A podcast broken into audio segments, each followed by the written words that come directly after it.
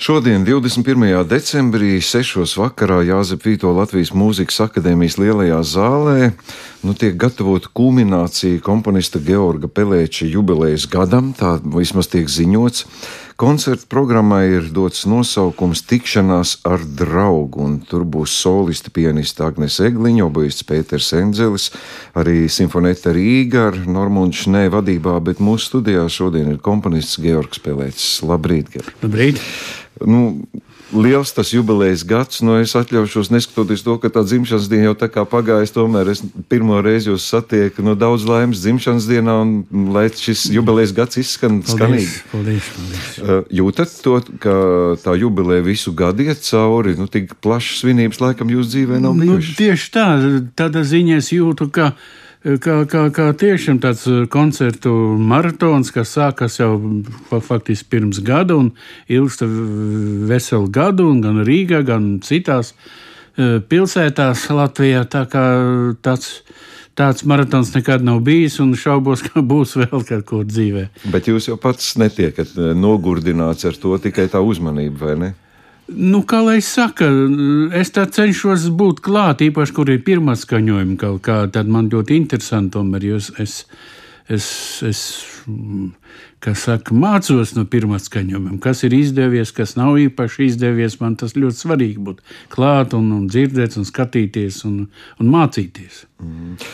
Pelēča kungs, mēs diezgan sen esam tikušies. Es varbūt jau uzdošu tos pašus jautājumus, jūs neņemiet ļaunā, bet tagad jūs teicāt par to, ka jūs klausāties pirmatskaņojumus. Tas nozīmē, ka jūs arī mēdzat labot kaut ko pēc tā, ka darbs ir uzrakstīts? Diemžēl, jā, tas, tas nav labi. Uh, Un es, es atceros, ka profesors Skulte kādreiz ir teicis, vairāk kārt viņš ir teicis, tikko nots ir nodotas izpildītājiem, viss aizmirsi, un nekas tur nu, nevar ja ne pielikt, ne, ne pielikt, ne atņemt, neko tādu. Un pareizi tā arī jādara, jo tas ir ļoti nepareizi, kad pēc tam sāk labot un kaut ko līdz klāt ņemt nost un pārtaisīt un tā, bet man šīs grēks ir, diemžēl kad es dzirdu, tad man gribas kaut ko uh, uzlabot, un nu, ko tad nevaru pretoties un, un daru to. Tas tāpēc, varbūt, ka jums tās teorētiskās zināšanas, tik, ka jūs tīri teorētiski arī pieejat. Nedomāju, domāju, ka prozeiskākā. Cēlonis šeit, protams, vienkārši kā nav līdz galam uzreiz visu to izdomājis, kā vajag, un tāpēc uh, tik perfekti nav, kā vajadzētu būt. Es no klausītāja viedokļa jums varu pateikt, nu, šajā gadā, kā jūs pats teicāt, daudz notikumu saistībā ar to jūsu jubileju, bet interesanta reakcija arī te rādio kolēģis, ka es satieku, e, e, par ko jūs runāsiet, saka, nu, mēs komponistam Georgam Pelēcim tur jubileju, un visiem tāds atplaukst, kā mēs, vai šī brīnišķīgā mūzika. Jūs uh, sajūtat arī pats to, ka jūsu mūzika nu, tiek ļoti pozitīvi uztverta. Nu, te, jā, paldies par tādiem skaistiem vārdiem, tā, bet uh, es jau sen esmu sapratis, ka te, tā lieta jāuztver ļoti tā, nu, tā at, at, atturīgi un tā vēsāk. Jo ir tādi, es pieļauju, ka ir tādi, kas, kam varbūt tiešām patīk, un tā, bet ir arī daudz tādu kolēģu un klausītāju. Un, un, un, un, un, un, un mūziķi, kas neīpaši ir mana pusē. Tā kā šeit ļoti tā objektīvi jā, jā, jāuztver. Jūs zināt tos iemeslus, kāpēc nav jūsu pusē? Nu, protams, tāpēc, ka pats mūzikas jēdziens tagad ļoti dažāds un tik, tik liels, tik, tik ārkārtīgi liels tas pluralisms, vai ne? Un tik, tik neaptveras tas, tas fusions kas tagad notiek apkārt, vai ne? Kā ļoti daudz ir piekritēju vienam virzienam, un, un piekritēju daudz citam virzienam, un viņi savā starpā arī diezgan tā, diezgan tā kā teikt, konfrontējās. Tā kā nav tik vienkārši šeit. Tāpēc ir jāuztver tā ļoti tā objektīva tā situācija. Bet, eh, nu, es zinu, un visi to, domāju, piekrīt jūsu mūzika ir harmoniska, melodiska. Eh, mūsdienas pieļauj ļoti dažādas tās mūzikas eh, rakstības un izpildības. Jūs kādreiz nesat mēģinājis, vai domājat, nu es tagad pamēģināšu kādu atonālu mūziku rakstīt? Es mēģināju pašu sākumā, kad vēl sāku vēl rakstīt vēl dārziņu skolā pie, pie ģenerāla Ramana, kam es bezgalīgi esmu pateicīgs par to, ko viņš ir man devis un, un ko viņš man ir iemācījis. Nu, tad gan bija, tā, nebija vēl izkristalizējis tas stils un tā mūzikas stila koncepcija, varbūt, es rakstīju diezgan dažādi un daudz tuvāk tai lietai, ko sauc par, par avangardu. Mm -hmm. Nu, pat Reinis Zariņš atskaņoja man pirmo opus, skerca tā kā tā. E, nesen, ja tas notika tad var spriest, kā, kāds pelējs bija pašā sākumā. Jūs pats tagad smaidāt. es smaidu no vienas puses, bet no otras puses kaut kur tā esmu ļoti gandarīts, ka arī šodien tomēr var to spēlēt. Pagāja, piedodiet, jau 60 gadiņi pagāja. Es nedomāju, ka daudz tādu opusku, kurus var spēlēt pēc 60 gadiem. Tā, tā, tā diezgan tā droši. Tā pašā laikā jūsu gaume, jūsu intereses ir pa daudz senāku mūziku. Tas pats Skarlatī, arī pieminējāt Rēnu Zariņu, viņš teica, kā var noklausīties tos visus to apjomu. Nu kā, tāpēc, kā, tas ir jautājums fanam. Katram fanam ir šīs jautājums, kā tu vari vis, visam tekot, sekot līdzi. Un, un tā, es arī tā, ja jau esmu tāds piekrītējs un fans Vivaldi un Skarlatī un, un Un man te vērti tāds skaidrs, ka es gribēju izdibināt visu to, ka, ko viņi atstājuši, ko viņi ir uzrakstījuši. Un ļoti daudz esmu klausījies. Bet uh, jūs dzīvojat tā laika mūzikā un zināmā mērā arī tā kā nu, neliels, bet tomēr tas kaut kāds spoguļu attēls ir arī jūsu mūzikā. Jūs sajūtat sevi kā to tā laikmeta cilvēks? Komponists? Nedomāju, ka tā būtu pareizi teikt. Uh, kā lai saka, es vispār tā tuvāk esmu tādai, eh, kā lai saka, tādai metafiziskai, varbūt, mūzikas koncepcijai, tādai mūzikai, kur nav ne, ne laika, ne telpas, kas ir mūžīga? Un kad mēs klausāmies to pašu, teiksim, baroka sniegumu vai, vai, vai klasicismu tā tālāk, vai tad mēs domājam, ka to, ka tas ir pagājušu laiku mūzika, ka uh, viņa nav aktuāla, viņa joprojām ir aktuāla un vienmēr būs aktuāla. Tur, tur tas noslēpums prasa uzrakstīt tādu mūziku un tā, lai viņi būtu aktuāli šodien, no rīta un parīt un pēc entiem gadiem. Bet arī jūsu kolēģu vidū ir viedokļi, ka tāpat senā mūzika, ka tā būtu noteikti jāizpild uz seniem instrumentiem, ar senām stīgām. Kā jūs raugāties uz to, ka tā mūzika tomēr transformējas arī mūsdienās? Tī, jā, es to saprotu, laikam viņam ir taisnība, bet tīri, tīri subjektīvi man tas diezgan sveša šī, šī problēma. Mūzika kā, kā tāda pietiekami pietiekam kvalitatīva un, un, un, augst, un savos augstumos atrodas. Lai tur vēl, teiksim, vēl kaut ko likt klāt, to autentiskumu un, un tā, Tas ir gardēži. Gardēži viņam tas ļoti svarīgi, kā arī, teiksim, mūzikas skanējuma, vai ne, lai būtu aparatūra vispār, lampu, uh, tie pastiprinātāji un tā tālāk un tā tālāk. Nu, gardēži, nu, es neesmu gardēdis. Bet jūs apmierina, ka, pieņemsim, var spēlēt uz mūsdienu labu klavieru instrumentu vai stīgas? Absolūti, absolūti, jā, absolūti. Tur ļoti interesanti problēma. Tas pats Skarlātī, vai ne? Viens skanējums un viena estētika un vieni kaut kādi, mm, viena situācija, kad eh, Skarlātis spēlē uz, klavi, uz eh, klavisīna. Pilnīgi sava vērtību skala veidojas, un cita vērtību skala, kad to pašu, to pašu materiālu, to pašu mūziku, tas pašas sonātes spēlē uz klavierēm. Tātad tas ir ļoti interesanti. Jums pašam, kas ir vērtību skala? Es arī teikšu, ka es dzirdēju par jums sakām, ka Lūk, Pelēcis ir tas komponists, kuram uh, vai nevar, vai nepasūta mūzika. Viņš ir viens no retajiem unikāliem, kas mūziku rada, tāpēc, ka mūzika ir jārada bez citiem priekšnosacījumiem. Jā, nu, kā lai saka, atkal Agrāk tā tiešām bijis, teiksim, pagājušajā gadsimtā, pagājušajā tūkstošgadē, vai ne? Kad es vienkārši nebiju tik, tik nu, varbūt tik atzīts kā, kā, kā šodien, un tik, tik populārs un, un diezgan skeptiski attiecas uz manu mūziku. Kolēģi un, un, un, Un mūziķi bija, bija tā 70. gados, 80. gados. Nu, kā var šodien tā rakstīt? Visi, visi tik aizrāvās ar, ar to avangardu un ar visiem tiem virzieniem un visiem tiem jauninājumiem, vai ne?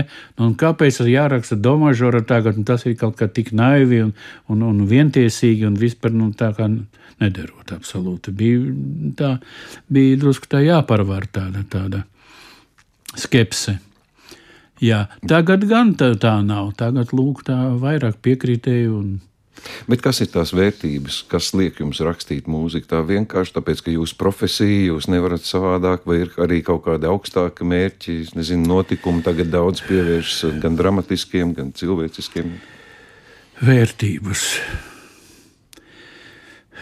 Nu, es esmu uh, tādas uh, mūzikas, teiksim, Eh, ordeņa bruninieks, kam uz karoga rakstīts skaistums, konsonance, vai ne kaut kādi pozitīvi tēli.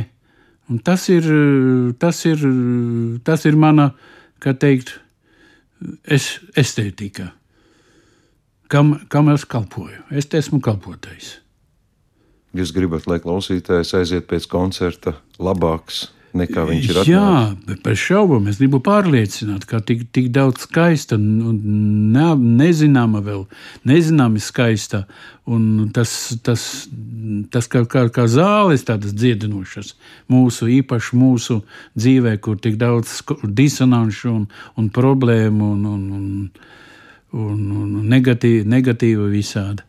Tā kā Nu, viens no virzieniem, kas jūs arī tīri zinātniski interesē, kā es lasu, vismaz ir eh, nu, polifonija. Nu, daudziem klausītājiem, es nezinu, cik daudz atnāks koncertu, viņi, viņi saprot un zina, kas ir polifonija. Tā pašā laikā viņi aiziet pēc koncerta. Uh, citās tikai tajās mentālajās sajūtās, vai jūs arī tā teorētiski varat uh, pats saprast, kas ir tās lietas, kas to mūziku dara tik burvīgi? Nu, manī dzīvojot kā divi, divas tādas personas, var teikt. Viens ir varbūt muzikologs, kas tiešām ļoti aiz, aizraujas ar polifoniju, īpaši ar, ar baroku un renesanses polifoniju. Un ir arī otrs cilvēks, komponists, kam jāsaka, polifona nav īpaši to. Vairāk šīm cilvēkam to, to ir harmonija, akordika, tonālais uh, faktors mūzikā, melodi, melodija kā tāda. Tā kā drusku tādas, tādas pretrunas ir manī.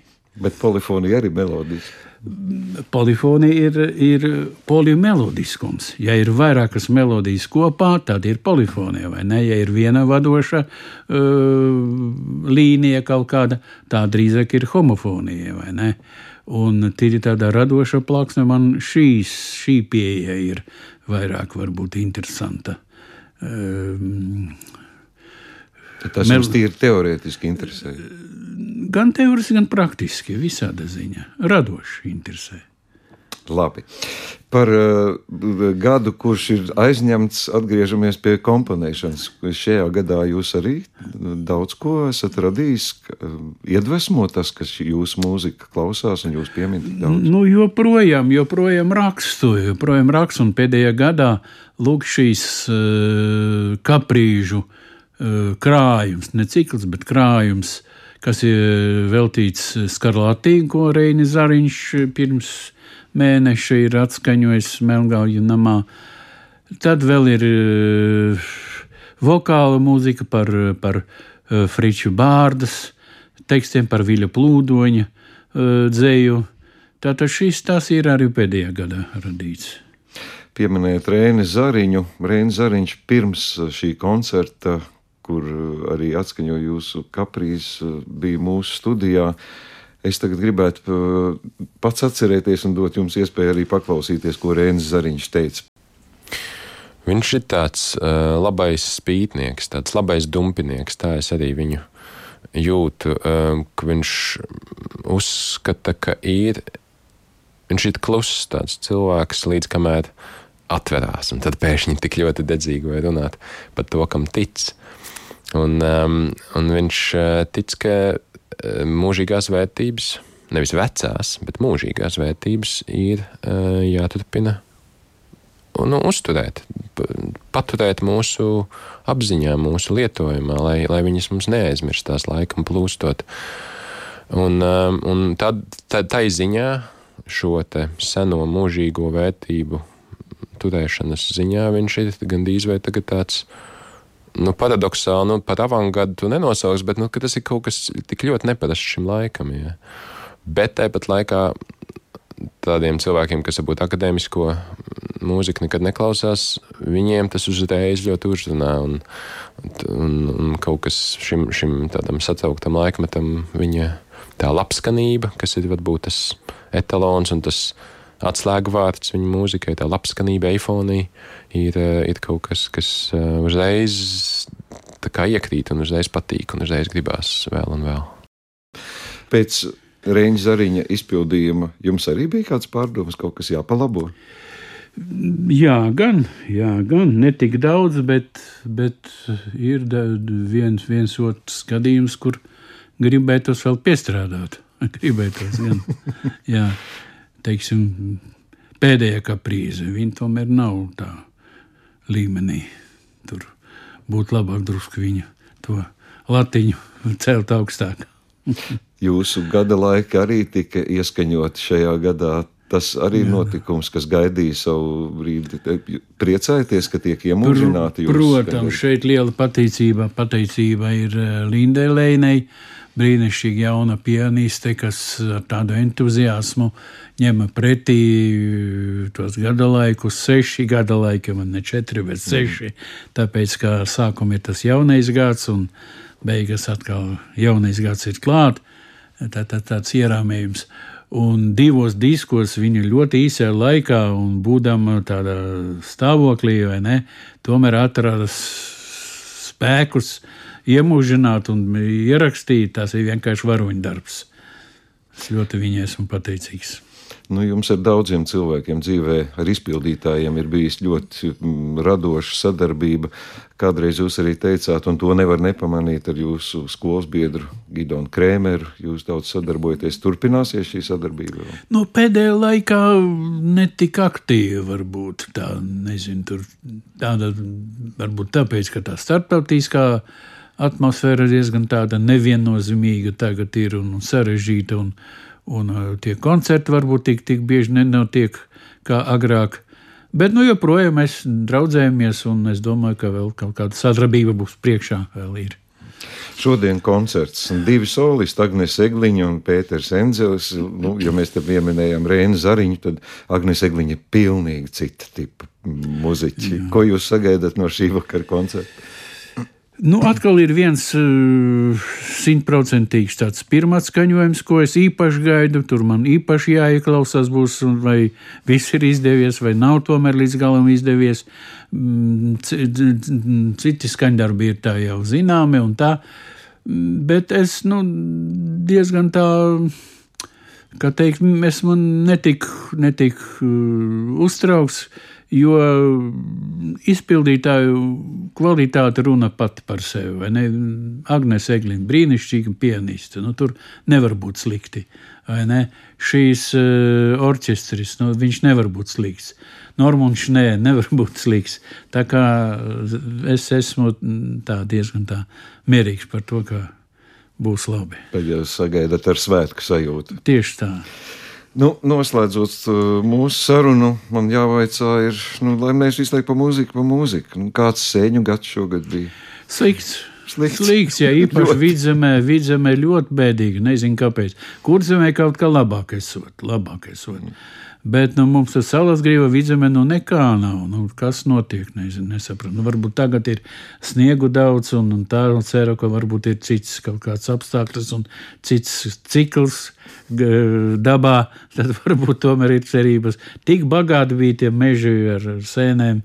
Jūs varbūt... sēņojat tāpēc, ka tas sagādā baudu procesu vai jāiegūst kaut kas nē, vairāk? Nē, ne, bauda, protams, bauda no procesa. Jā, no no paša, no, no, no paša seņošanas. Mūzika skan tajā laikā, kad jūs seņojat?